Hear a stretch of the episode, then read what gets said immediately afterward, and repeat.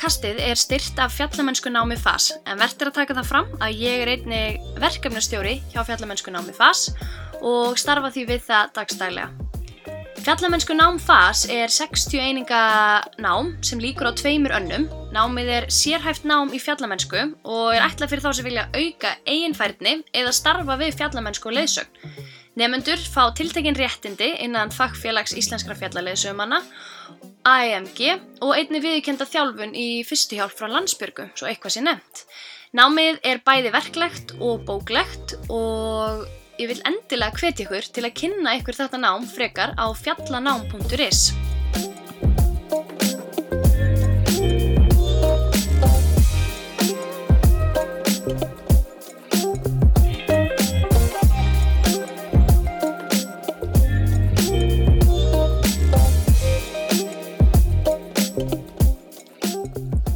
mér í þættunum í dag er Elín Lóa Baldursdóttir. Elín Lóa er mjög góð vinkona mín og við höfum til dæmis verið samstarfskonur hjá Íslenskum fjallarleiðsögumannum og núna í fjallamennskunámi FAS. Það er ótrúlega gaman að fylgjast með Elín Lói. Hún er ótrúlega dugleg og þrautseg, myndi ég segja, er alltaf að taka þessi nýju skemmtileg verkefni og er, já, bara þvílik fyrirmynd. Hún er rosalega virka á samfélagsmiðlum og er alltaf að fara út að hlaupa og gera eitthvað skemmtilegt. Þannig ég mæli klárlega með að þið fylgist með Elínlóu eh, at elografi á Instagram. Eh, en í þessum þætti þá var viðfangsefnið okkar eh, vetrar fjallamennska eða vetrarferðir og vetrar útivist. Eh, við vorum alveg að ræða um hvernig maður getur byrjað í vetrarfjallamennsku eða hvað maður þarf að hafa í huga. Eh, það breytist allt aðeins þegar veturinn kemur og því rættum við aðeins um það en veturinn er Jú, vissulega á næsta leiti og því mæli ég klárlega með að þið hlusti á þennan þátt.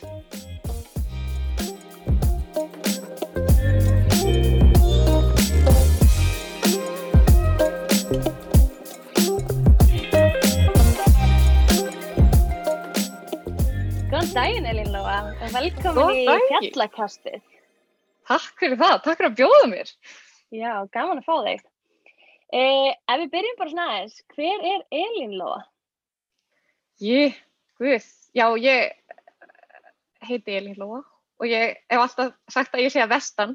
Ég fættist á Íhjörfri en ég hef aldrei búið þar. En það er ógst svona stert í fjölskyldunni að þurfa að vera þetta identity að þú sérst að vestan. Þannig að ég er að vestan en ég ólst upp í Mósó. Og svo kannski svona hinn helmingurinn af mér, ég fór sér skiptinum til Ekvator þannig ég segi alltaf að ég eigi svona kannski tvær fjölskyldur, eina söður-ameríska og eina íslenska. Ah, skemmtilegt. Varstu lengi í Ekvator? Ég var í eitt ár, skiptinu mér. Já, ok.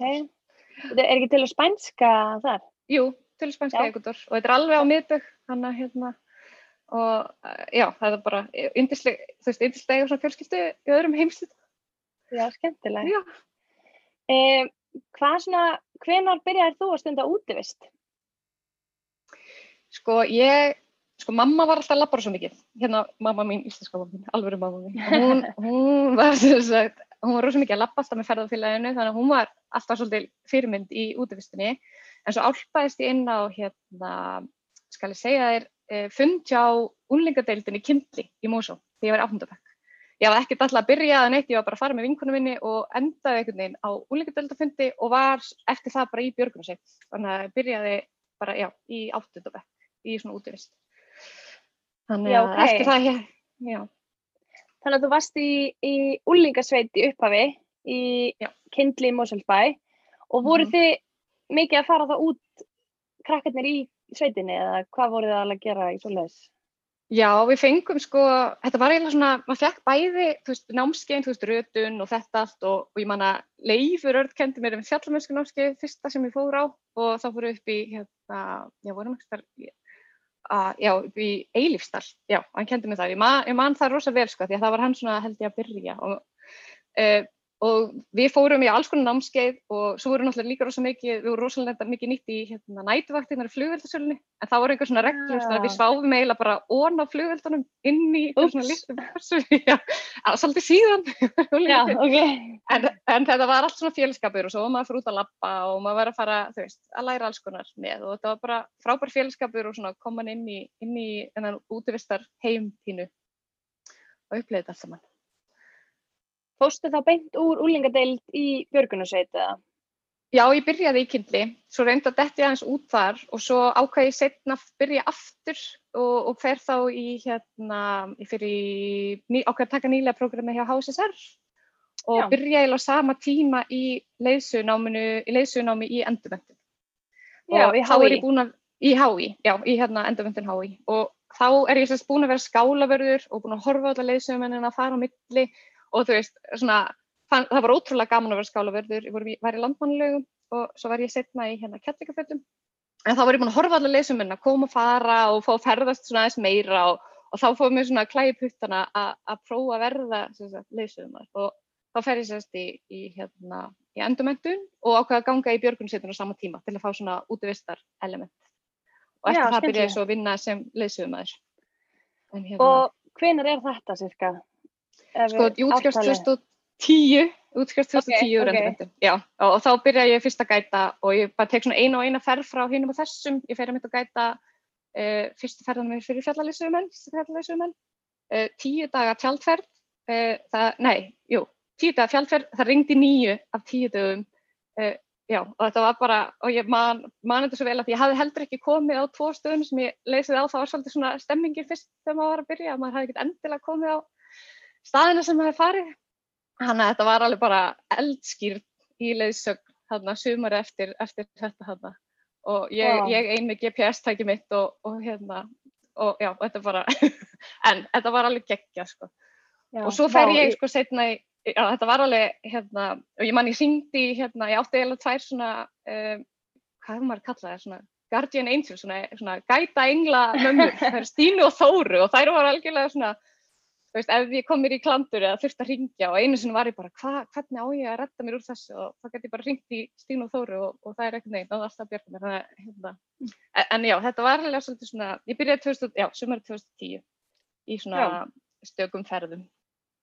Já, það hefur ekki verið kannski svona heilsárs grundvöldur að starfa sem leysuma er 2010 eða hvað? þessum tíma? Alls ekki, þú veist, þá eru bara einstaka lesumenn sem voru að vinna allt árið þá, þú veist, þá er þetta, og ég er náttúrulega að byrja kannski mest í, þú veist, ég var í gönguferðum, þú veist, ég var í, ég var í rútuferðum og dagsferðum og fyrir svona mismunandi fyrirtæki, og, en það er ekki fyrir en ég fer, uh, uh, ég fer svo í keili, sko, setna, já. kem heim, sérst, já, ég hérna, já, kem heim, fer sérst í ferðalag, eitthvað áttamannaferðalag og langaði satt bara að segja ekkert heim.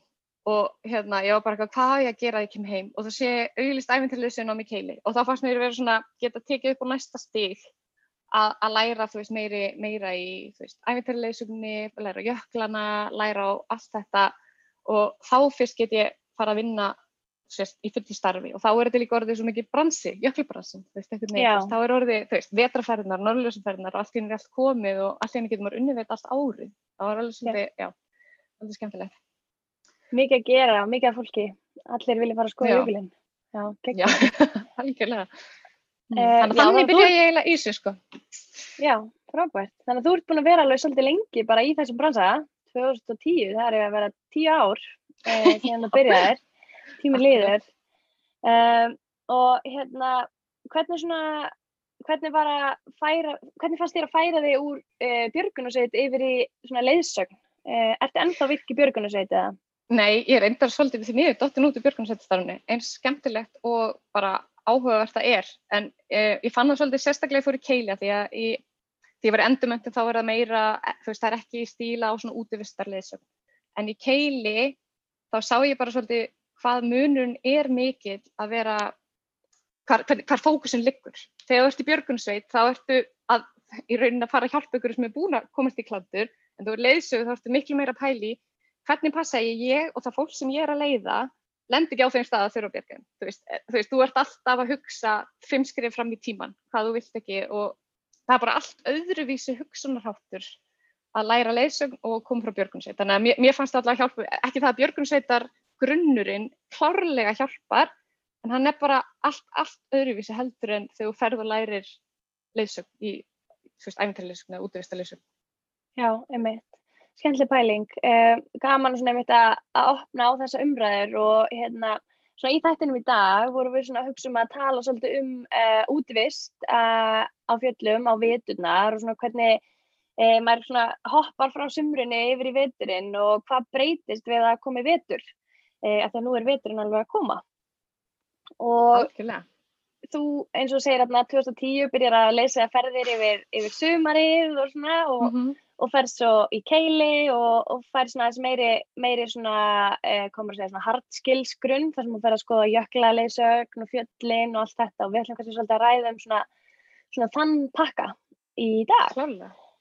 Um, svona, já, kannski bara svona, við fyrir maður að tala um bara svona, já, bíla á millir sumars og vetur, svona þessi tími sem við erum í núna þegar það er rigning og rók alla daga, eða nefnum ekki alla daga, það er svona dramatísk, en oft Uh, hvernig, hvernig, ert þú að gera eitthvað á þessum tíma til að halda þér í formi eða þú veist, ert eitthvað að hugsa um það eða hvað svona, hvað, já.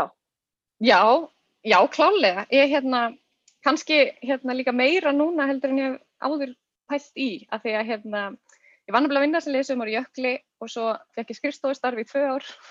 Og það er ótrúlega maður dættir niður þegar maður fer og sérst skrifstofistólinn, þannig að já. hérna, eftir að ég fór í gegnum það ferli þá hérna byrjaði svolítið mikið að hlaupa.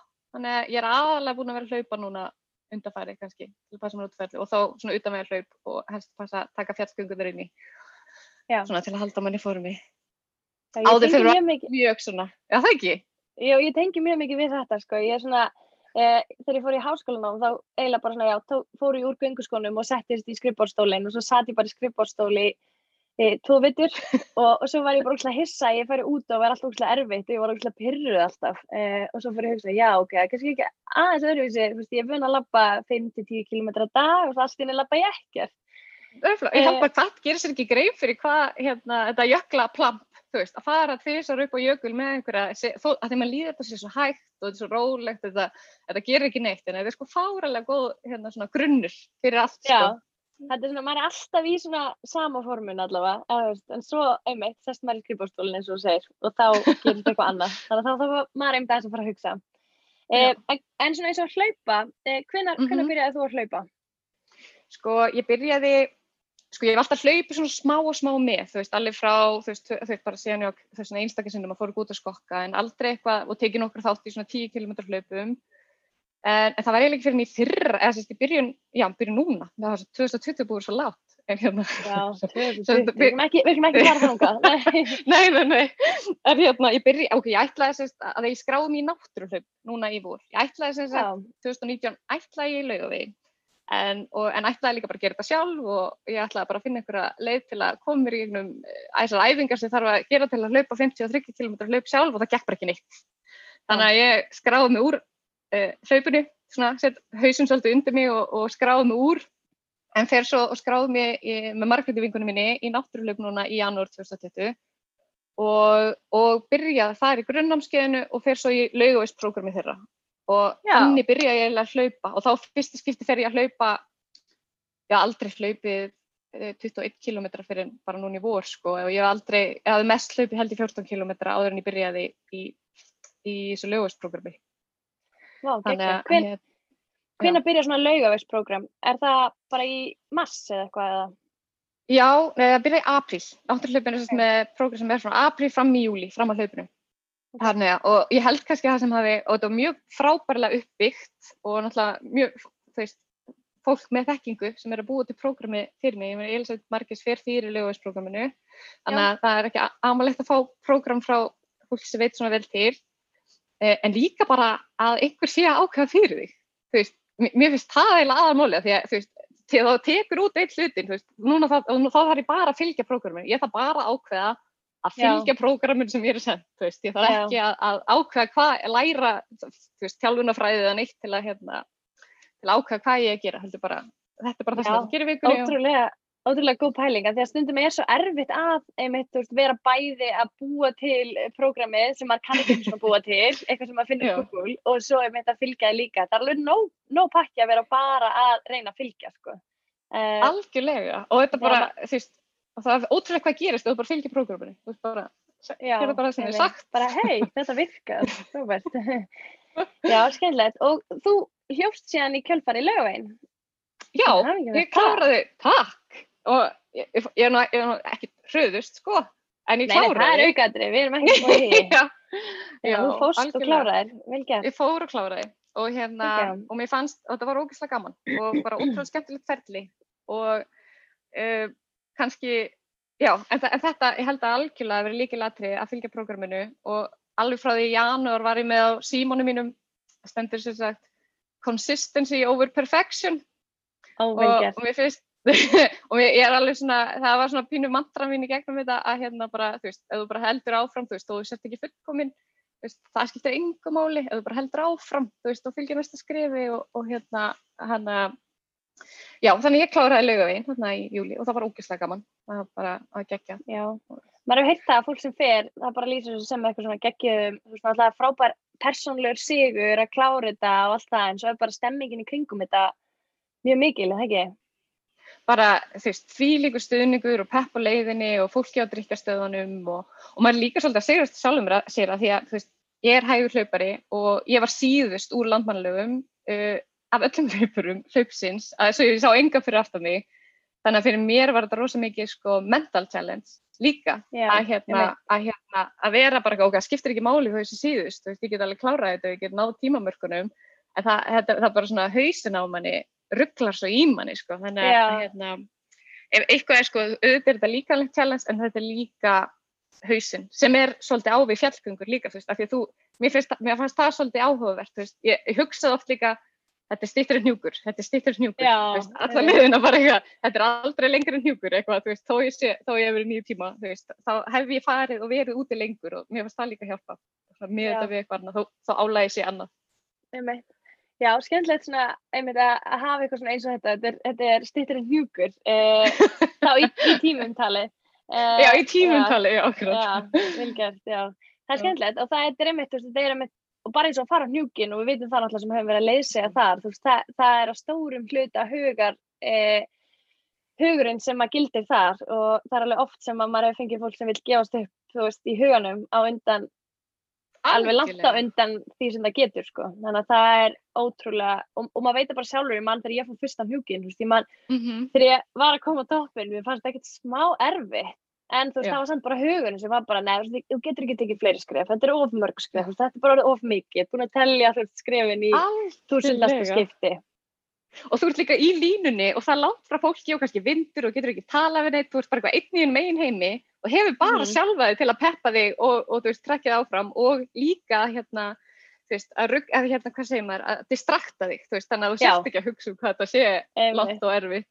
Þannig að hérna, núna, núna erum við komin með, með podcast, þannig að við getum svona aðeins að strakka hugan með því að hlusta podcast, það hefur ekki? Klá, klárlega, sett, sett þetta tónlist í eirun og podcast í eirun og hlusta á alla lögunu. Já, það hjálpar, getur verið. Já, Bæ, svona bæja niður hugsaninnar. Já. Hmm. En ertu þá núna að hlaupa eftir einhverju prógrami eða? Heyrðu, að því að það virkaði svona vel, hérna, að fara eftir prógrami. Það ákvæði ég bara að skrá mig hérna í, ég lákaði að skrá mig bara í landvættaprógrami hjá þeim. Þannig að bæta já, við hérna, okay. þannig að hérna, já, bara til gamans. Og líka bara, þú veist, þá hef það er eitthvað sem heldur mér í æfingu frá nógumbyr fram fram til næsta sumars. Þannig að hérna, já, já, til að byrja með. Og svo eitthvað svona reyna, svo ég nú reyna að fara að gera eitthvað sjálf líka langar að skýða og lappa og klifra og eitthvað. Já, en stefnir það á landvættina eða? Já, það ekki bara. Ég var að það fullkomið ár bara. Er lítið hægt að ferðast og bara eitthvað klára, já, ég veit ekki eftir hlaupið þetta og hérna, svo er bara gönguskíði og ég er heppin að ég eftir sundi ef að krakki þannig að ég er svona ekki smeg með það. Og mér langar líka svo að læra tæknin á gönguskíðum. Ég hef aldrei lært tæknina alveg gönguskíðum. Ég er bara verið utabröta skíðum. Þannig að ég hlakka mjög til að fá svona að glæta, svona, svona bara fljúa áfram. Svona eins og Vilborg sagði, sagði í þættinum í, í, í síðast að hérna, það var alltaf að gera grína að hún kynni ekki á gungurskiði þegar hún væri búin að þurra að söðupólinn og fara í grænlandsjökul og fullt af hlutum en það er ekkert sama um þetta að vera á bröytaskíðum og, og síðan í hérna í, það er vist bara allt annað segja utanbrautar. sko. Ég er, er einmitt að lesa, þetta er alveg, maður lesa með þessi gönguskíðar svo margar tegundir og margir ábyrðir og ég veit ekkert, ég er alveg ringlu sko, þannig að. Það er eitthvað prógram í því líka. Já, okkur er það okkur að kaupa bara Eh, já, einmitt. Uh, en já, ef við fyrir svona að færa okkur yfir í veturinn og ef veturinn Mhm. að koma og þú veist, við erum kannski aðeins búin að kofra svona, þú veist, að einmitt, bara hvernig maður getur verið að halda sér í formi og svona og það er náttúrulega alveg meira að segja og þú veist, það er náttúrulega hægt að vera að hlaupa og fara í svona prógram og alls konar uh, og maður Mhm. þarf oft svolítið svona að peppa sjálfan sig, uh, allavega ég, sérstaklega svona, að því að eins og, eins og vorum að tala um á hann, maður er oft svona að halda sér í formi bara með því að gera það sem mann finnst skemmtilegt, þú veist, eins og fara bara í göngur, fara hjóla, e, þú veist, fara á skíði, en svo kemur ofta eitthvað svona down season á milli og það er alltaf svo erfitt að ná sér upp úr hólunni sem kemur á milli, einhvern veginn. Algjörlega.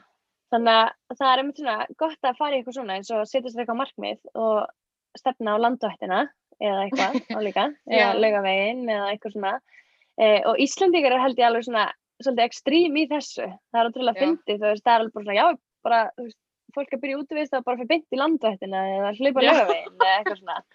Uh, það vil allir fara í eitthvað svoleiðis, sem er skemmtilegt. Uh, eitthvað svona En keppnis íþrótt og keppnisfólks. En ég held ekki bara að, sé- að þjálfin, fyrir, ég hugsa þetta bara eða svona þjálfin fyrir grunn fyrir allt annað, þú veist líka.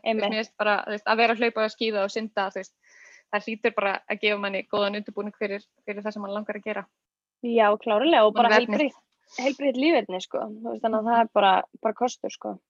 En svona ef við, já, færum okkur aðeins yfir í veturinn, eh, þú veist, núna til þess í COVID, eh, svo við komum inn á það, ég, var alveg, ég náði að sleppa að tala um COVID í fyrsta þættinum, þannig að við komum inn á COVID inn í öðrum þættinum. Ok. Eh, eh, svona, þú veist, það er rosa margir sem eru búin að, eða eru svona, eru að byrja í útivist í Já. COVID, finnst mér. Það er búið að vera, víst, alveg brjálega að gera í öllum helstu útivistabúðum landsins og allir að kaupa sér gönguskó og fara að lappa á Esjuna og Helgafell og öll þessi fjöld. Og öll bílastæði full, bara alltaf, allar helgar, bara, þú veist, Já. í fjöllunum inn í kring, sko.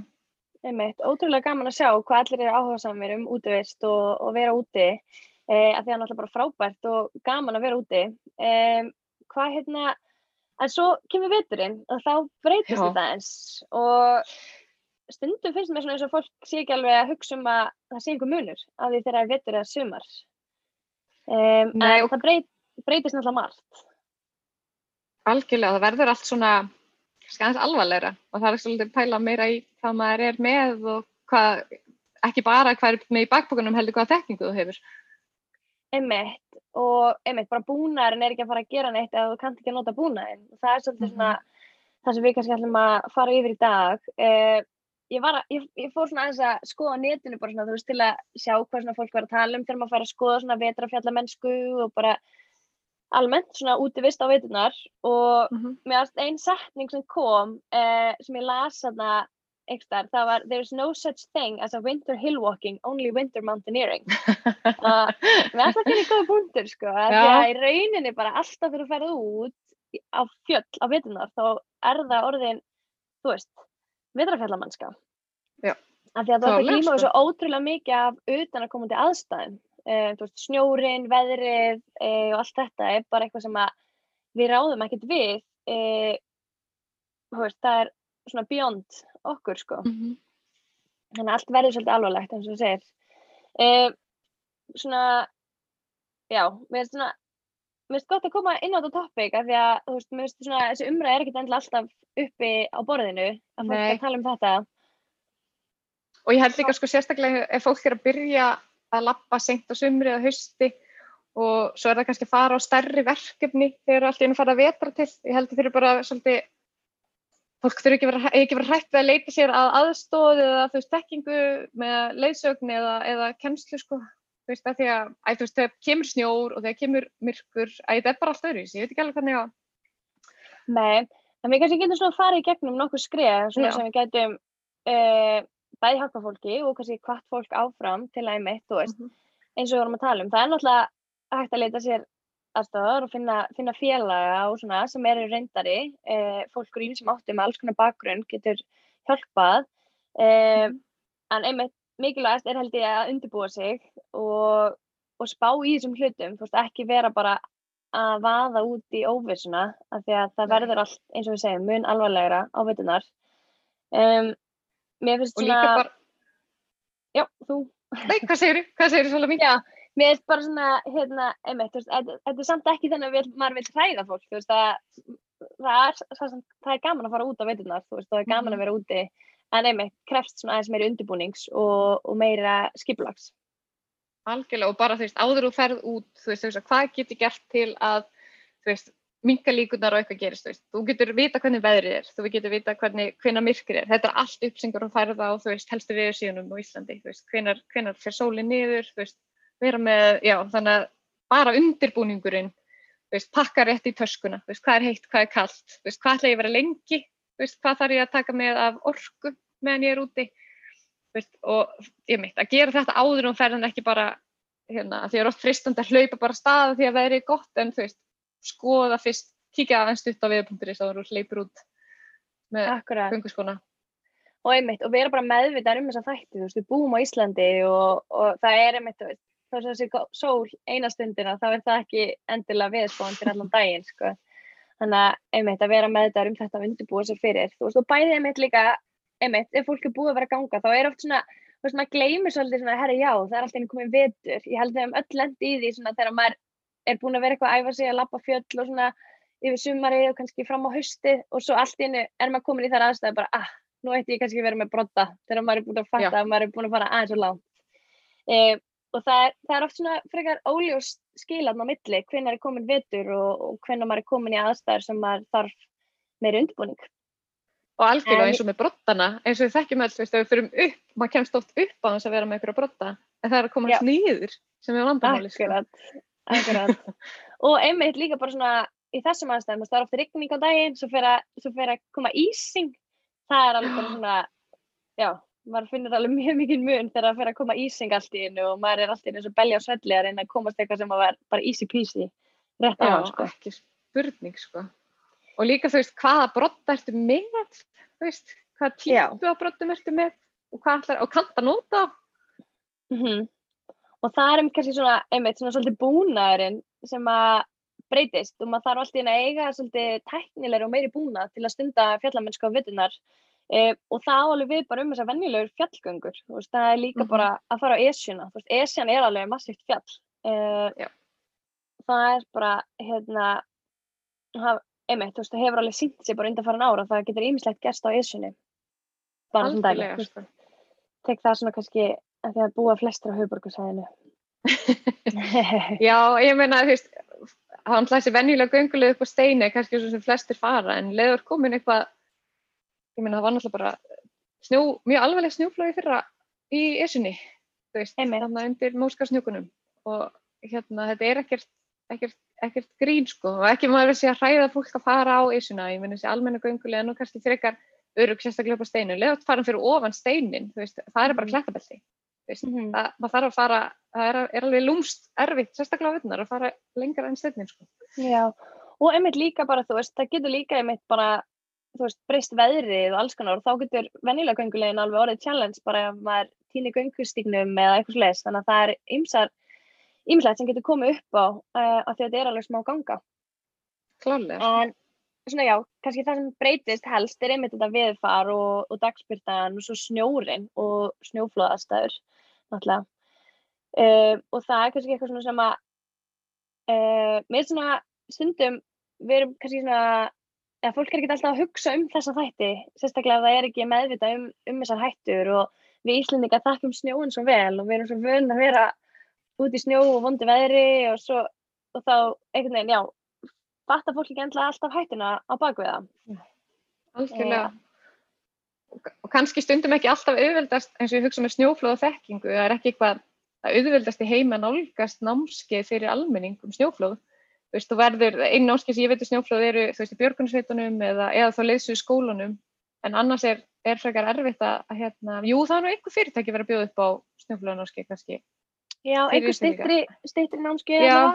Eh, og einmitt í kringum kannski svona fjallaskiðin og svoleiðis hefur aðeins verið að upp á svona fjallaskiða, snjóflóða námskeið eh, og ég held að það sé klárlega eitthvað svona fólk heldur að fara að stunda vetrarfjallamennsku að fara eh, að kynna sér snjóflóð og snjóflóðabúnað og læra að nota hann. Eh, og þetta er eitthvað sem maður þarf alveg að veist, halda við bara hverju ári og vera alltaf að uppfæra og, og læra. Og maður er einhvern veginn aldrei búin að læra allt, eða þú veist, maður er alltaf að læra nýtt og maður er alltaf að læra meira og svo, þú veist, reynslan og aðstæður og eitthvað sem maður er endalust að læra. Algjörlega og líka bara þú veist að einmitt æfa snjóflóða leit og hvernig virkar, láta uppfæra ílinn sinn, þú veist að það er snjóflóða íli, þú veist það gleymist mjög ofta að hérna það þarf að uppfæra stýrikerfi og Einmitt. alls konar svona hlutir. Já, skiptum batteri og allt þetta. Um, kunna setja saman stöngina sína og skópluna og Já. þennan pakka. Um, við ætlum svo sem ekkert eitthvað að fara að kenna neitt um snjóflóðan þannig í podcastinu, en Nei. bara svona að tala um þetta og einmitt að, þú veist, hvetja fólk til að leita sér upplýsingum hvernig það getur uh, orðið sér út um þekkingu á þessum hlutum. Uh, stundum getur maður alltaf lært eitthvað smá af þeim sem maður ferðast með, ef maður er að ferðast með reyndara fólki eða fólki sem hefur þekkingu, þá er það eitthvað sem maður getur leita eftir. En bara mikilvægt að vera meðvitaðar um þetta og einmitt, þetta eru, það eru mjög dýrkeft mistök eh, ef að mistök verða í snjóflóðastæðum. Eh, þannig að hérna, það er vissar að fara varlega.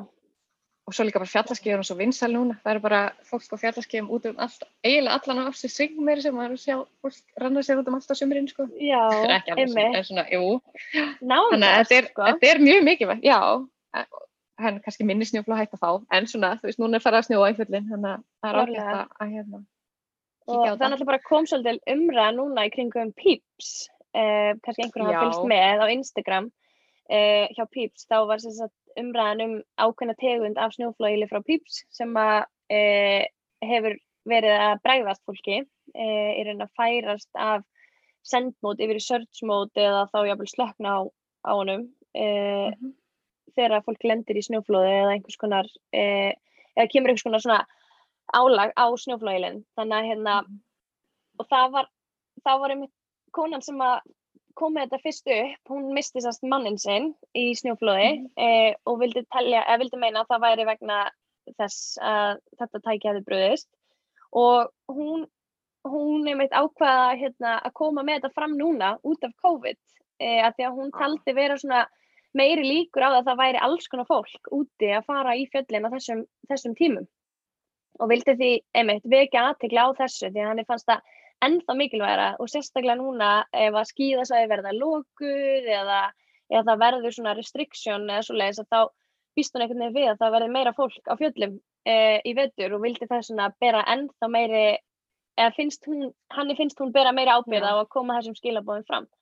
Þannig að það er mjög áhugaverð pæling og klárlega eitthvað sem að eins og við erum að tala um, við sjáum að það er aukning í, í þessu sporti og þessum sporti er bara útivist almennt.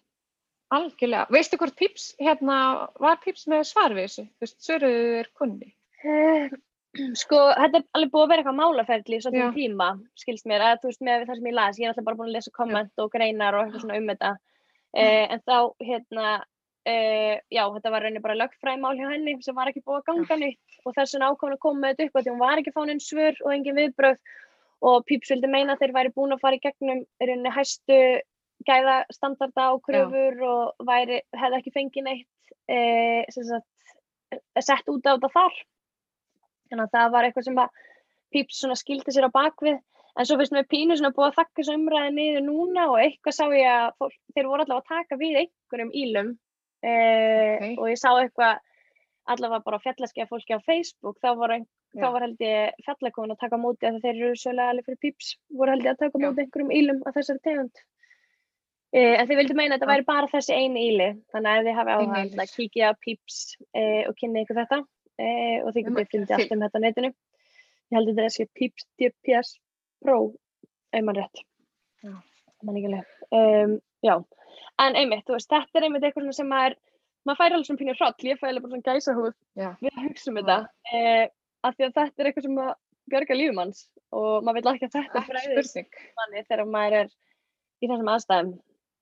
algjörlega, maður gerir náttúrulega allt til að hindra að maður þurfi ekki að nota hann búnað, en maður er búnaðin ef eitthvað kemur upp á, Einmitt, þannig einmitt. að maður geta treyst þessu, Einmitt, og svo finnst mér einmitt eins og ég, hérna, ég postaði þess inn á fjallarskjafólki því mér fannst það, veist, bara mjög mikilvæg umræða og ég svona, ég fór aðeins að hugsa þetta bara, veist, að þetta er líka svo dýrt dót Já. og það er náttúrulega hellingspakki fyrir fólk sem er að byrja í útivist uh, að kaupa til dæmis snjóflóða búna og læra snjóflóða búna og fara námskeið.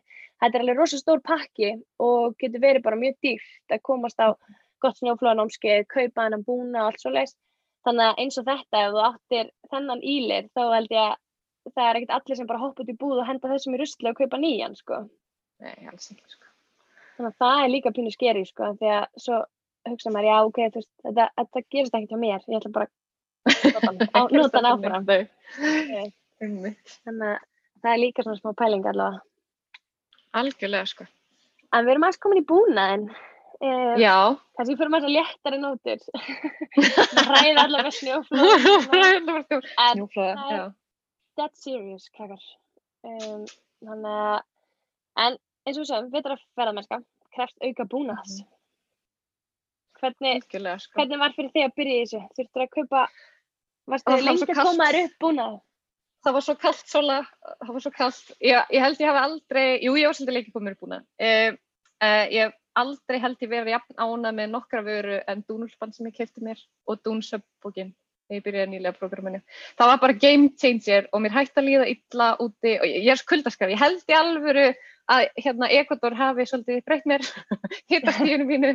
Þannig ég þarf alveg svona au auka lög af fötum til að lifa af viturinn. Þannig að Uh, en, það, en sem er þú veist, það tekur alltaf tíma að koma sér upp, en það er alltaf að finna nota líka, þú veist, fólk gleymir ofta að það er alltaf lægi að kaupa notaðan búnað og bara mjög umhverfisvætt og, og hérna líka, þú veist, og bara, þú veist, fullt af fólki sem að byrja í björgunarsveit sem er ekki notað lengur sem er að selja þetta, þannig að hérna, þetta er dýrt, en þú getur yfirleitt notaðan frekar lengi en að búna og yfirleitt sé ég minna eftir útvistabúnaði heldur nokkur öðru sem ég kaupi. Mm -hmm. Tengjum við það. Ég mitt setti mér svona markmið fyrir ári, ég mætti ekki kaupa með ný föt á þessu ári. Eh, nema notu, sko. Eh, svo, en ég má kaupa útivistadót. Eða útivistaföt. Af því að ef manni vantar það, þá vantar manni það, skilur Þannig að það var svona catchið. Og einmitt, maður sér ekkert rosalega mikið eftir þegar maður kaupir sér eitthvað gott. Og eins og segir, þetta endist í langan tíma, maður á þetta Já. jafnvel í mörg ár, maður er að kaupa sér fjárfestingu. Já. Eh, og sérstaklega kemur að veist, það er eitthvað sem ég hef aldrei séð eftir að kaupa Nei. og einmitt eitthvað sem ég hef átt í mörg, mörg ár. Um, en ég myndi hvetja fólk til að, þú veist, einmitt, lesast til um það sem það er að kaupa Já. og ekki bara kaupa í blindni. Um, þú veist, mér finnst það kannski vera svona aðalpunkturinn er að, þú veist, þegar við erum, þegar maður fer í búð þá er verið að selja manni eitthvað, þú veist, þá er fólk að selja manni vörur, selja manni dót, þannig að, þú veist, höfum það í huga, við erum búin að lesa okkur til og, hafa hugmynd um hvað er það sem við viljum og af hverju viljum þetta frekar en annað. Og ef þú getur fá að prófa áður og það, Akkurat, oft er Einmitt. vinir eða einhverjir. Já, oft þetta leia líka, eh, til dæmis Já. ef um dýrar er búin að ræða, leia, sjá hvort Mm. maður fílar það, hvort það virkar fyrir það sem maður er að, er að leita eftir og síðan einmitt að hérna, lesa reviews, veist, skoða hvað er fólk að segja um þetta, hvernig er verið að nýst og svo les. Þannig að það er alveg ótrúlega mikið upplýsingum á úti. Ekki spurning, og líka eins og segir, maður sér vilt ekki eftir þessu og líka ég held maður verði bara ákveða hvort maður ætlar að stunda sportið eða ekki. Og ef þú ætlar að stunda sportið, þá verður bara að kaupa öryggisbúnaði. Það er, þú veist, það er ekki, þú kemst ekki hjá því, þú veist, það að á ganga fyrir öllu hínu. Klárlega, góða punktur og, og það er náttúrulega alveg svoleiðis þegar maður er að byrja einhverju sporti, þú veist, hvort sem að það er golf eða tennis eða eitthvað, maður, þar, maður getur ekki farið í tennis á þess að tennisbaða, sko. veist, Nei, og ég, ekki í s- hætt, Snjóflóð aðstæðir, aðeins við með snjóflóða búna. nei, akkurat. Ég fór um þetta fyrst skipti í lagsveið sumar og ég vissi ekki að sólgleru væru öryggisbúnaðir í lagsveiði. En það er til að, já, það fáur ekki, ég ætla að læra ég að pappa, það fáur ekki hérna umbulinn í, í auga, sko. Ok, ég vissi ekki að það væri þeng, ég held að það væri allir bara gegn kúl. Ég Það er líka. vel að læra eitthvað nýtt. Öryggisbúnaður, takk. Já, bara eins og ísnum, skilur við, tjapa að vera með sólgleru, við erum ekki alltaf bara svona kúl á jöfnum, sko, þetta er, þetta er líka þeng. Það er eitt af í heimi að fá sólbruna í augun eða svona rafsuðblindi eða svona. Já, eða Alveg ís í augun á sér, það er líka Já. mann, þegar maður er að tjapa skrif, það er ekki gaman. Ah, Já, Vera sem er útgrátin augu að segja fólki frá jöklunum. þá til að merkja þessu ekki fleiri blindir gætar. Já, nákvæmlega. Nei. En, Nei, en jú, öryggisbúnaður, já. Heilaða þrenningin, eða þú ert í Já. fjallamennsku, veist, og þegar tala um heilu þrenninguna, þá að tala um snjóflæðilinn, skoblu og stöng, allt sem þú getur til að e, leita að félaganum ef, ef allt fer á vesta veg. akkurat. Já. og einmitt, ef við svona förum aðeins yfir bara svona hvaða búna maður þarf til að byrja í fjallaferðum og vetralagi Mhm. og þú veist, tökum það fram, auðvitað er þetta eitthvað sem fólk kemur sér upp á einhverjum x tíma eh, maður velur svona hvað maður vil kaupa fyrst. Maður kannski ákveður um þetta að vera kallt í smá stund af því maður vildi frekar kaupa snjóflóðbúna heldur en að kaupa þykjumlókupuna eh, og eitthvað svona þetta er svona sem tekur smá tíma eins og, eins og maður veist, veit bara sjálfur og svo verður búnaðurinn alltaf tæknilegri eftir því sem maður er búin að vera lengur og vil eignast flottar og betra dót og svona eh, og svo fær maður þráhyggju og fyrir að kaupa alltaf margar úlpur og þú veist, þetta verður vandamál Og einu úlpu fyrir hvert, hvert tilvik. Já. Já. Já, oh, það er erfitt en svona allir það sem maður þarf pottið eru góði skór Já. Eh, og það er eitthvað sem maður ætti ekki að spara í fyrir mér um, af því að þú veist við erum bara við erum að lappa á fótunum yfirleitt þegar við erum á fjöllum og hérna Mhm. og þú veist það að vera í hræðilega vondum skóm er bara umulegt og þú veist það hafa allir fengið blöðrur og eitthvað þú veist maður ennir ekkert að vera eitthvað út að leika í góðu veðri með blöðrur það er bara frekar leðalegt og þetta getur verið pín trikki sko eh, að leita sér réttu skónum Það þetta er alveg bara vonlust. Ég er mjög góð í að velja mér annarkvort of stórið af litla sko. Já. Já. ég held að mjög margir við það En svo er vist líka, hérna, svo eru oft þessi gönguskór ekki endilega með þægilegustu innleggin. Það er oft gott að kaupa sér svona ný innlegg inn í skóla, svo, svo, skóna. emitt og svo er emitt þú veist þarna líka emitt að lesa sér til um hvernig skór henda hvernig fæti getur verið svona Já. þú veist, ertu með háarist, lágarist, flatan fót, e, breiðan fót, mjóan fót, þá eru vilt mismunandi tegundir sem passa fyrir mismunandi fætur e, þú veist, að það er líka lúklega leiðilegt að kaupa sér 60 krónar gönguskó og vera svo bara að nota það tvisvar e, Já. og hérna já, eða svona Svo líka bara hvað ert að fara að gera? Þú Veist, hvernig fjallamennsku ert að fara að stunda? Þú veist, ert að fara á mjög háa tinda, þú veist, þá þarftu kannski stífari skó, þú veist, og pæla í því öllu saman. Akkurat, að, akkurat, hvernig típa skóm maður veit, Já. klárlega og einmitt, ætla maður að nota það með broddum eða ekki með broddum og, og svo leiðs pælingar og þá passi einmitt að búnaðurinn passi saman og skipa brodda sem passa á skóna og svona algjörlega, sko. ok, þannig að það eru skór nummer eitt Skó, Klálega. já. og svo snjóflóðaþræningin, við erum búin að tala kofra hann svolítið vel. Já, algjörlega. Um, já, og broddar. Um, uh, broddar, klárlega. Og ef þú ert að fara, já.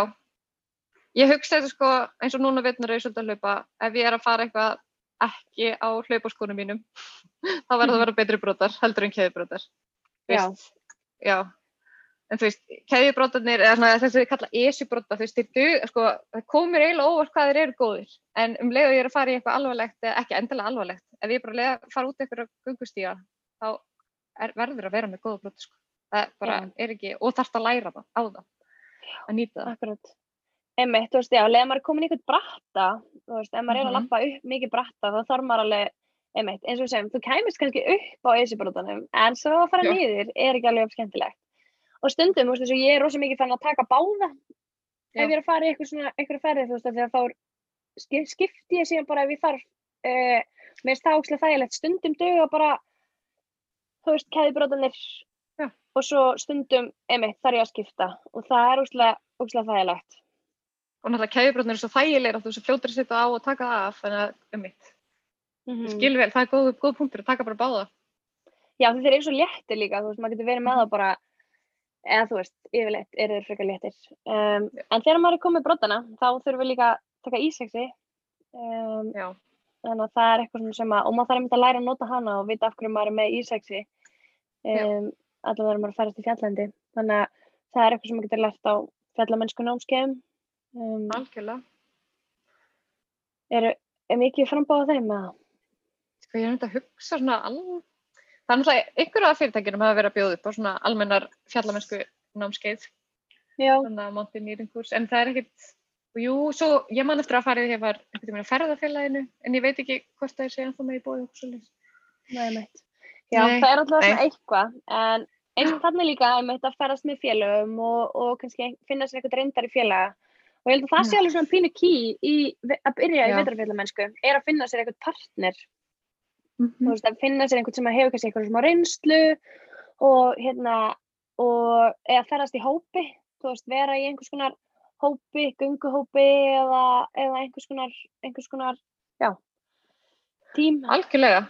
Bara hérna að finna, og það eru náttúrulega fullt af félögum, það eru fyrirtæki sem eru með, veist, sem kenna, kenna fólki hvernig það gerir allt saman, sko, í. Ekki, Akkurat. já, og þú veist, og það er líka, það er kannski, kannski fólk eru líka að muna, þegar þú ert að byrja, þá þarftu hjálpina, svo setna með getur þú fara að gera þetta sjálfur, veist, þetta er, Mhm. maður byrjar aldrei að fara einn eitthvað, þú veist, þú þarft, þarft á stuðningun og halda fyrst og svo getur þú útskrifast og fara að gera þetta bara sjálfur, en, en hérna, kannski, já, að því ég veit að margir er að leita í útivistana til að vera kannski einir, en, en hópurinn og að læra þetta með öðrum er bara ótrúlega dýrmætt, mikilvægt. allavega svona, e- ef maður ætlar að fara að stunda einmitt svona fjallgöngur að vetralega og svoleiðis, þá er klárlega þarf maður að að koma sér upp búnaði og einmitt finna uh, ná sér í þekkinguna. En svo náttúrulega þarf maður klárlega auka fatnað og Mm á veturnar verður manni kalt. Ég held við deilum því að við erum báða kuldaskræfur. Ég er spáðið að sé eitthvað svona úti þeng. Af hverju vill maður þá vera í útivist þegar maður er alltaf skýr kalt? Gildi ekki, sko. Já, ég, ég veit það ekki, sko. Ég, ég er í þremur úlpum. E, já, ég er alltaf svona, ég fæ alltaf kommenti sko frá fólki, byrju, af hverju þér kalt? Ert þú ekki alltaf á fjöllum? Og ég er alltaf eitthvað svona, já, er það þá eitthvað samar sem að sé ekki kalt, eða þú veist? Ég held að Já. hvort það hafi eðilegt mann, hvort maður finnir freka fyrir kuldunum að því að maður búið svo mikið úti eða veit hver, hvernig það er í kast. eða- Já, það gæti ekki. verið, sko. En já, einmitt, þrjár úlpur, maður er svolítið að vinna með það. Og einmitt, ég var núna að panta mér einmitt dúnbuxur, ég er mega Oh spennt. god. Það er búið að vera kreif, já, ég bara, ég þarf það, sko. Mér er alltaf svo fokkin kalt á rassinum, ég er alltaf að deyja. Ah, ah, einmitt, já, ég fekk, ég á Primaloft pils núna, það er að virka ágætlega. En svo Ok. kefti ég líka svona Primaloft buksur nema ég fór ávart á, þær voru vist unisex, þannig ég pantaði ekstra ræðs kattbarstærðina, þannig að það eru svona missili buksur.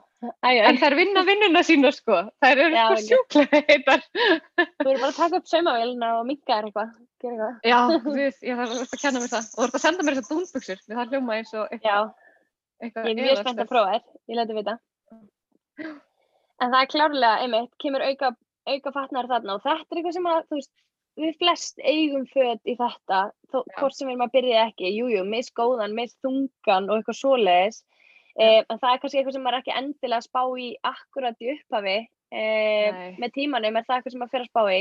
Klárlega, þú veist, góður hlýfðafatnaður er svona sem ég myndi setja framálega á listan, þú veist, góð vasselt föt að þegar jafnvel á viturnar rignir eld og brennistein og þá verður ennþá kaldara e, þannig að hlýfðafatnaður Algjörlega. Og síðan eitthvað svona góð, góð einangrun. Eigum nú fle- flest lopapeysur til dæmis sem virka bara ágætlega. Vissulega þungar Já, ég á reyndar svona mjög finna svona léttlöpapeysu sem amma prjónaði mig sem ég elska að vera undir. Hún virkar, virkar mjög vel sem svona millilað. já, einmitt. Þannig ég held að það sé svona eitthvað sem við flest getum nálgast án þess að fara eitthvað spandera fullt af peningum. Spurning, sko.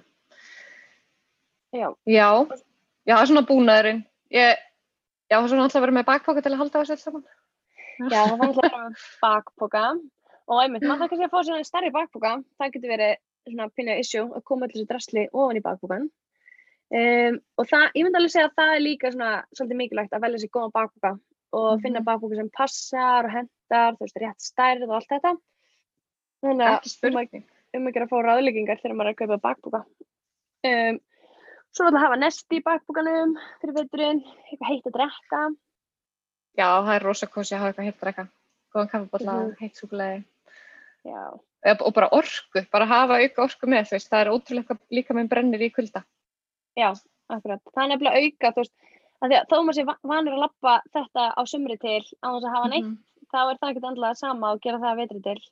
Þannig að það er einmitt svona eitthvað sem maður þarf að hugsa út í. En síðan er kannski svona nokkru hlutir sem eru svona, myndi ég segja svona, hvað maður segja, svona neyðarbúnaður. Já, Holy shit, kid. algjörlega. Svona eins og neyðar skíli, þau eru ógst að Já, Þau eru bara, það er alltaf að fá því eftir mismunandi stærðum. Þetta er eiginlega bara svona, hvað- getur maður sagt sér tjald, þú veist, þetta er bara svona lítið skíli sem þú set hendur yfir þig og þú veist, það getur líka verið bara með fyrir þig og bakbókan, sett bakbókan öðrum megin og þú setur hinum megin eða eins og er oft notaður fólk er að ferast á gungskíðum þá er oft grafin hól í miðinu og svo getur maður sitt svona hring með fætunur onni, það er ógislega kósi Já, klárlega. Og líka bara einmitt að það kemur eitthvað fyrir, þá er þetta svo ótrúlega mikið öryggistæki, skjól og annað. Þannig að klárlega. Um, svo náttúrulega fjarskipti. Um, Já, Þú veist, við erum náttúrulega flest með síma um, og þeir virka örugglega í svona, já, 90% tilfella eða eitthvað. Mhm. Um, bara gott að vera með þetta um að síminn sér hlaðinn og, og vera með hlæðslu kupp og eitthvað svona. Ef það starf. og kannski þekkja sinn síma eh, að þú til dæmis lélegan síma nei Jú, hann er svona, ég var alltaf, ég var alltaf með auka batteri allavega, hann, er brotin, greið, greið símur. Æ. einmitt, þetta veit einmitt hvort að síman skóli kulda og svona, þú veist, geiman það á einhverju stað sem hann heitur og svona og og líka svona að því að maður er farin að nota símanum svo mikið svo rautunatæki.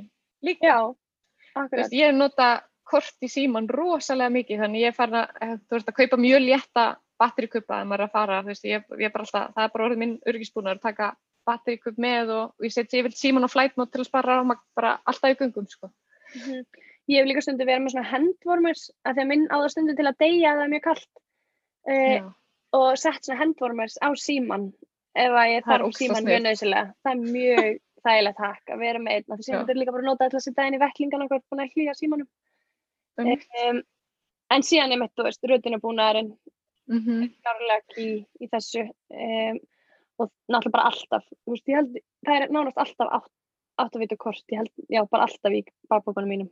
Um, og svo náttúrulega GPS þá er mikilvægt að kunna nota. það. Já, það sama á við um kortu átt að vita það gerir ekki mikið að maður kann Einmitt. ekki nota það. Og svo núna líka því að svona blanda fjarskipta og rautur er búin að hægt að fá svona innritstæki, hérna litlu, mínu innrit sem er ógsta sniði sem er svona gerðin þetta síma eiginleika. Um, og það er klárlega já, kannski alltaf gott að minnast á einni tveirati ef fólk er að fara eitthvað. já, og safe Hérna, travel Safe travel, uh, já. skilja eftir hérna áallanir Mhm. það er alveg sann Ef það er að fara í lengri tíma. -hmm. Klálega, algjörlega. sko. það er mjög En snið eins og með GPS, en eins og við erum ræðið með hérna, röggja, þú veist, GPS og hvort áttu þetta, það er náttúrulega líka bara að þarf maður að læra þetta. Og saman hvort þú veist með korti í símanum eða korti á fyrir framæði, þú þarf að kunna að lesa úr upplýsingunum sem þú ert með fyrir framæði. Já, og ég segi það oft svona einhvern veginn að undirbúa sér svolítið heima, þetta er alveg svolítið undirbúningurinn. Þú veist, að vita hvernig kortið snýr áður og ferð út og svona þættir sem maður getur skoða heima. Það er alveg frekar vandræld að vera bara eitthvað, nei, þetta er síðan söður og þetta er norður. Uh, og svoleiðis hlutir einmitt, þú veist, vita hvað leið maður er að fara, hvernig liggur landið, þú veist, hvernig er landslæðið, alls konar svona getur maður skoða bara heima í sófanum undir teppi, sko, í kósi, þegar maður vil ekki vera að skoða þetta í vondu veðri einhverstaðar. Og svo líka sniðið að fara á staði sem þú þekki vel til að æfa þig, þú veist, eða kannski Já. vanur að fara upp á eitthvað felli fyrir aftan húsið en hefur aldrei, hefur aldrei á eitthvað með kort, þú veist, prófaði það. Þú Veist, það er bara fínasta leið til að æfa sig í kortalestri og, já, rétt. einmitt og einmitt læra bara að lesa kort eða þú veist, lesa landslæði versus kort og svona, að segja á Já. muninum og síðan líka einmitt að hafa þessar hluti einmitt þú veist, fyrir framann sig og vera að nota það, það hjálpa manni að vera ekki bara að taka þetta upp þegar maður er í skítnum. Eh, Mm -hmm. þú veist, að vera að nota þetta í góða veðrinu er alveg punktur sem maður þarf að hugsa um. Eh, og maður getur náttúrulega lært hellinga þessu til dæmis á YouTube. Eh, Ekki spurning, sko. og það er alveg fullt af góðum vídeoum uh, bara vera vissum að þetta sé góð vídeo uh, sem gefa réttar upplýsingar. Uh, maður getur nú oft sé frá hvað aðlum þau koma og svona. Þannig að maður getur síða svona eins út en maður getur lært helling á því til dæmis þannig að það er eitthvað sem maður getur gert kannski og svo bætt við þessi með að fara á námskeið eða vera með góðan félag Það kom í fas. eða komið fast krakkar koma alltaf að því uh, já, en þetta er náttúrulega svolítið langur listi Já, þannig að þetta er ekkert amalegt, sko. Nei, Hmm. það kemur allavega alls konar auka, aukadót í pókan yfir veturinn Já. og Kannski sýnir ljós, sem í- Já, ljós. Vá, ljós er þetta mikið velta sem við gleymum oft að hérna þegar daginn fyrir að stykta að hafa alltaf, og batteri í ljósið, Mm. að því að oft kviknar á ljósin í bakgrunninum og það er í gangi og svo er það batterislist og það er að nota. Þannig að læsa ljósinu eða hafa auka batteri eða bara bæði. Mhm. Akkurat. góðbúndur uh, Ég var alveg að lappa niður með síma minn. mm -hmm. Hérna, þá er ég og síminn eftir. Það er það er síminn og batterislega frossin og, og ljósið Oh, það er bömmar en það er einmitt eitthvað sem maður þarf að hugsa um og það er eitthvað svona akkurat hvena maður byrjar að nota ljósið það er alltaf svona, Mhm. nei það er ekkert ljós svo í lok ágúst og þannig bara, á, akkur er ég ekki með ljós uh, þannig að það Þegar er maður er að leita onni í bakpókan, inn í tjaldinu, ógislega dimmt og maður sér ekki. Já. ég er að segja, það er stál búin að vera með ljós allt árið sko. Mhm. Þess að milli er það bara döffelljós einmitt. Akkurat. já, Og, ég hitt kannski Eh. skíðagleru, við hefum kannski ekkert um að tala það. Það Já. hafa það í pókunum í vetrafjallamennskunni. akkurat, Hérna, klárlega það er, er oft, oft mjög gagleg og hjálpa manni mikið. Þegar það er bara smá vind og komið skafræning sem fyrir augun og, og munar miklu að vera með skíðagleru í staðan fyrir sólgleru. mm akkurat skeglir og sólglerugu um, er alveg svona eitthvað sem er ætti að vera nánast alltaf í bakbókunum allavega mm Mhm. -hmm. farast að veitunar Ekki spurning. já, erum við ekki þá kannum við svo nokkuð góðan lista til að komast að fjölla veitunar Klárlega, sko.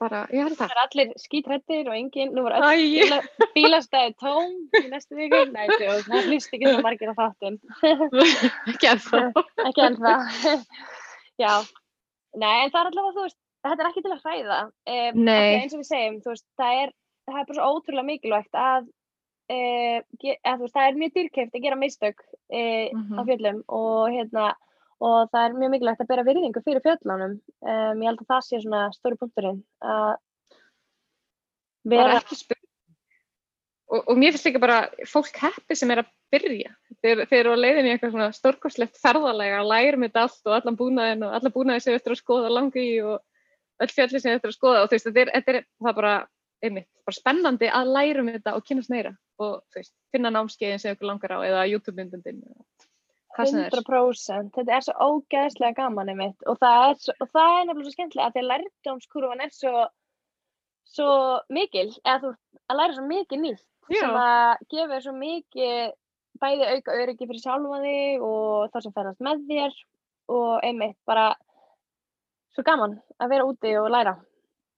100% algjörlega. Um, já, en eins og segi, þú veist, það náttúrulega er líka ekkert allir sem eru endilega uh, þú veist, sem vilja fara eitthvað ekstra langt, þú veist, en það er gott einmitt að vera með svona persónlega þekkingu svona sem maður getur notast við sjálfur uh, Mhm. einmitt og alveg saman hvort maður er að gangi hópi eða með leiðsögumann, getur verið bara fínt að vera með svona smá grunn þekkingu uh, að því vissulega getum við öll gert mistök og það getur alveg verið gott að, þú veist, allavega spyrja bara, hei, er, er, af hverju við að gera þetta? Eða þú veist, svona einstaklega sinni með og það er, er keisið, sko. algjörlega og nýta ykkur að þeir eru með reynd fólk að bara spyrja spyrjunum úr þú veist, það Já. bara og venjulega finnst fólki gaman að miðla af þekkingu sinni en vill samt kannski ekki tróða þér upp og það hefur á því en ef fólk spyr þá ef þú ert með leysumann bara endilega spyrja og fólk mun reyna sér best að svara eða myndi ég trúa sko 100% og það er einmitt, veist, það er að skemmtilega líka á fjöllum, það verða allir svo jafnir og veist, og það er tímapunkturinn til að tala og vera saman og, og deila reynslu og þekkingu og annað, þannig að það er það er að skemmtilega að vera úti að kynnast fólki sem að hefur sömu sömu, hvað maður að segja svona sömu lífskildi og sömu hérna ástriði og maður sjálfur, Al, algjörlega og þú eignast hvergi betri vinin á fjöll það er hárið hvergi. Veist Og- bara, þeir verða oft mjög nánir líka. Maður deilir alls konar hlutum sem maður gerir ekki beigð þau vita alltaf mikið um þig, hvernig þú fríkar út og hvernig þú, ert- alls konar svona. En svo líka sem er vetrafellamennsku, þá finnst mér kannski að mikilvægast er að læra að láta sér líða vel. Veist, hvað þarf ég til að láta mér líða vel í vondu veðri? Og veit, þú veist, það er eiginlega engin önnur tilfinning betri en að vera út í vondu veðri og líða vel.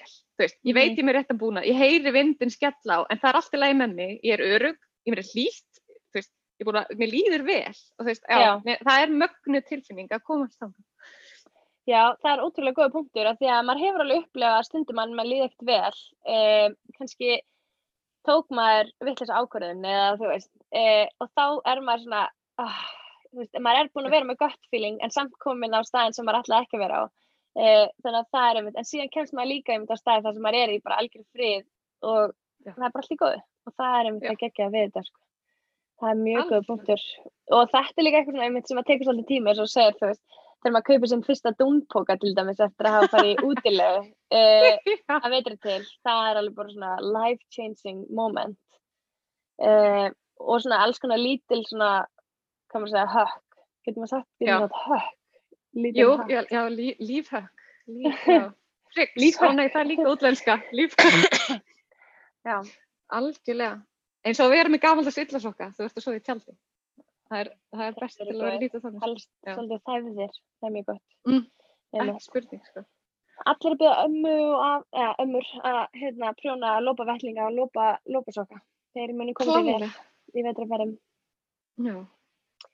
Um, en er eitthvað sem að kemur alltaf með í þinn bakbúka sem að þú sleppir aldrei Ó, það fer, jú, þú veist, ég er eiginlega alltaf með ljósið. Það er einhvern veginn bara alltaf á okkur svona vissu stað í bakbókurum. Um, en það fer samt svolítið svona eftir, já, jú, held að, held að ljós og eitthvað gott Mhm. nesti. Ég er samt rosalega löt að gera gott nesti, en þú veist, kaupa eitthvað gott til spila bakbókum. já, Það er ótrúlega hvað getur muna að þú veist, ef manni, hérna, að geta fengið sér eitthvað gott, lítinn súkulega bita eða eitthvað. Klárlega Já. hlaupbánsar, það er lífið Flau, ó já, það er geggjað. hlaupbánsar Það er lífið sko. já, einmitt, ljósi er klárlega eitthvað sem að Já. maður má ekki gleyma um, og það er ótrúlega að fyndi ég var, ég var að skoða safni mitt af hérna, höfuljósum uh, það er, ég er svona allt í henni fór að safna saman og fullt af skúpum um einhverjum svona höfuljósum hérna og Já. þannig og það er svo skrítið hvað maður hvað maður venst í að vera með lélegt höfuljós hefur spæðið í því Nei, Ég en bara- það er alveg rétt sér. já, ég er búin að vera með hérna, eitthvað höfuljós núna sem ég er búin að vera með ógislega langan tíma uh, sem er bara svona já, það er bara orðið frekar svona batsins tíma eða svona, það er bara eitthvað svona lýsi bara beint einhvern veginn og það er það er, skiptir engum máli hvort þú ert með háa eða lága stillingu, það Nei. er bara jafn mikið ljós, svona average, ömulegt ljós og svo var ég út um daginn og ég sá ekki einu svona fætunar á mér þegar ég var að lýsa niður og ég var bara, vá, þetta er frábært uh, svo kefti ég með nýtt ljós núna, ég veitur, eitthvað svona eitthvað 900 ljúm, eitthvað rosa fint Vá. ljós og ég var bara, vó, ég sé allan heiminn, þetta er geggjað það er mjög gaman þegar maður fær eitthvað svona nýtt út Já. En þetta er einmitt eitthvað Ah. sem að ég er ekkert alltaf að spá, ég er ekkert alltaf að kaupa mér nýtt ljós, en það finnir Nei. þegar maður velur sér hlutið mitt, þú veist, ég er mjög mikið að kaupa mér nýjar dúnúlpur, af því að mér er alltaf kast. uh, en svo er ég vinni sem er einmitt alltaf að kaupa sér ljós uh, og eru bara eitthvað, Solveig, nefnum þú að kaupa þér nýtt ljós? Og ég er bara, nei, ég þarf ekkert nýtt ljós, mér er bara fín, sé bara ágætt Ég á fimm. Já, einmitt, þau eru öll ágætt. Verður með öll í einu haustnum þar að hlutnar. Já. Um, það er mjög skemmtilegt, hvað maður verði nægjusamur á sumarhluti en aðra ekki. Alls ekki. Já. Já. Um, en svona, er einhver plön hjá þér fyrir veturinn? Ertu, er alltaf landvættir, en eitthvað annað, Já, eitthvað það er svona aukilega. Sko, ég, ég langar bara svolítið mikið að verða betri skíðari, sko. Ég, Ok. ég finnst mjög gaman að skíða, en ég er ekki best skíðakonan í heiminum, þannig að mér langar svolítið mikið bara að verða betri fjallaskíða mannskja. Svo er ég eitthvað svona pínu að plotta hvernig ég að verða betri ískljórari, en sjá hvernig það gekk. Hérna. Já, Það væri gaman að hérna, já, ég væri, ég er ekki, já, það það væri gaman að kljóra og skíða svolítið mikið, ég veit, þannig að það er svona það sem ég langar að gera hérna á Íslandi. Já, Maður er ekki að fara neitt mikið í ár, það er líka allt í lagi, Íslandi er frekar, frekar frábært. já, maður er einmitt svona, eitthvað, já, hvað á ég að gera á Íslandi núna? Eða þú veist, því maður er svo vanur að geta bara hoppað eitthvað, fara eitthvað að gera, það er ekki raunveruleikin. Uh, en einmitt, já, skemmtilegt, það er gott að hafa eitthvað svona, hafa eitthvað markmið. Ég er um dónu pínu stressu, sko, mér finnst eins og að vera komin snjór. En ég veit ekki hvort eitthvað annar er að tengja við það, ég er búin að vera bara, það er komin nóvember, á ekki vera komin meiri snjór, en þú veist, svo, þetta, svo fer ég að skoða einhverjum svona myndir, það bara, já, það er ekkert alltaf. En maður verður alltaf bara svo stressaðar að fá fyrsta snjón, ég er svo spennt. Algjörlega, ég var líka svo spennt í gerkvöldi, ég sá það að snjóa úti, leitið til glíkan og bara geðist mikið snjór, ég var bara, yes! Beint af vefmyndavelina í bláfyllum að sjá hvernig, hvernig Það búið er að ekki vera, búin snjófullt, það er bara að opna á morgun. Það er bara opnað á morgun! Já, það snjóaði svona tvö snjókund hérna, það snjóar aldrei á höfn, þannig ég veit ekki hvað er að kvarta þeim, þú veist, það, það Alveg. snjóaði tvö snjókund hérna eitthvað, í gær, og ég var bara, yes, það er að koma snjór, svo voru allir bara, nei, það er ekki að koma snjór. Nei, svona er þetta. Já. E, já, en er eitthvað svona að lokum sem þið langar að koma á framfæri til annara sem er að byrja kannski, eða sem að Ah, er að kannski að byrja Já. vetrafællamennsku? Vetrarfellmennsku. Bara ekki vera hrætt að byrja og ekki, ekki vera hrætt að tala við fólki í kringum ykkar sem þið þekkið og plata með ykkur. Þú veist, oft vantar þeim bara félag til að gera eitthvað eða, eða koma og klifra eða labba eða hvað sem er. Bara, já, og, og líka ekki vera hrætt við að líða illa samt. Ég veit að það er tala um að við erum að læra að líða vel í vondu veðri en það gerist ekkert ef þið eru kallt í korter eða hálftíma. Þú veist, þá lappar bara hraðar. Þú veist, ekki vera, ég veit ekki, já, bara að þóra að vera úti að vetri til, bara ekki, ekki hika við að, hérna, klæði ykkur bara vel, tækið með ykkur öryggisbúnað og verið úti. Af því að úti vera að gefa mann svo ótrúlega margt, það er alveg fáralegt, sko. Já, þetta er mjög góður loka punktur held ég. Bara ekki vera hrætt við þetta og einmitt, mann er máli líða smá illa stundum. Já, Og stundum þegar maður kemur heim þá er maður bara, þetta var ekkert svo ömulegt. Það var bara alltaf leið, ég var bara að væla. akkur, og svo er þetta líka bara æfing. Þú veist, maður æfist í því bara, veist, og kulda þólið eitt ekst og þú veist, þó þeir sé kallt í kortið, þú veist, þú ert að fara að af stað og það verður hlýtt. Og, hérna, og ég er algjör, að því ég er svo mikið kuldaskræða, þá er ég alltaf, það sagði einhver með hana, be bold, start cold og það er alveg ógæðslega erfitt oft að byrja Mhm. að af stað kallt, en þú veist að um leið og byrja að labba það verður hlýtt. En þetta er Akkurat. bara, þetta er bara æfing, æfing að 100%. æfa heilan, æfa hausinn. Já.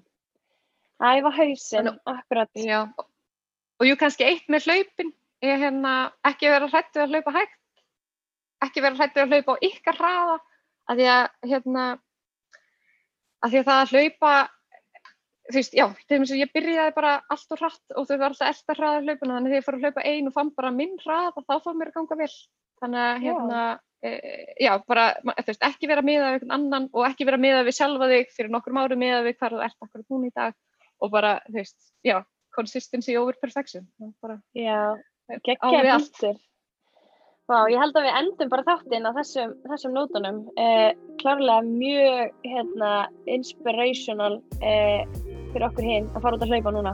Ég er mjög peppið sko, ég er bara Snjórnum? að reyma á mér skona. Það Er ekki? engin snjór hérna, það er bara, það er Ok. fljúandi hálka. Ég er bara, ég bara að að hlaupa. Ég er mjög peppið. Eh, en takk kærlega fyrir að koma í þáttinn og bara spjalla um vetrarfellamennsku. Ég er mjög spennt fyrir vetrinum í kjölfar spjallsins. Takk Elina. Sömu leiðis og takk fyrir mig, gaman að fá að vera með.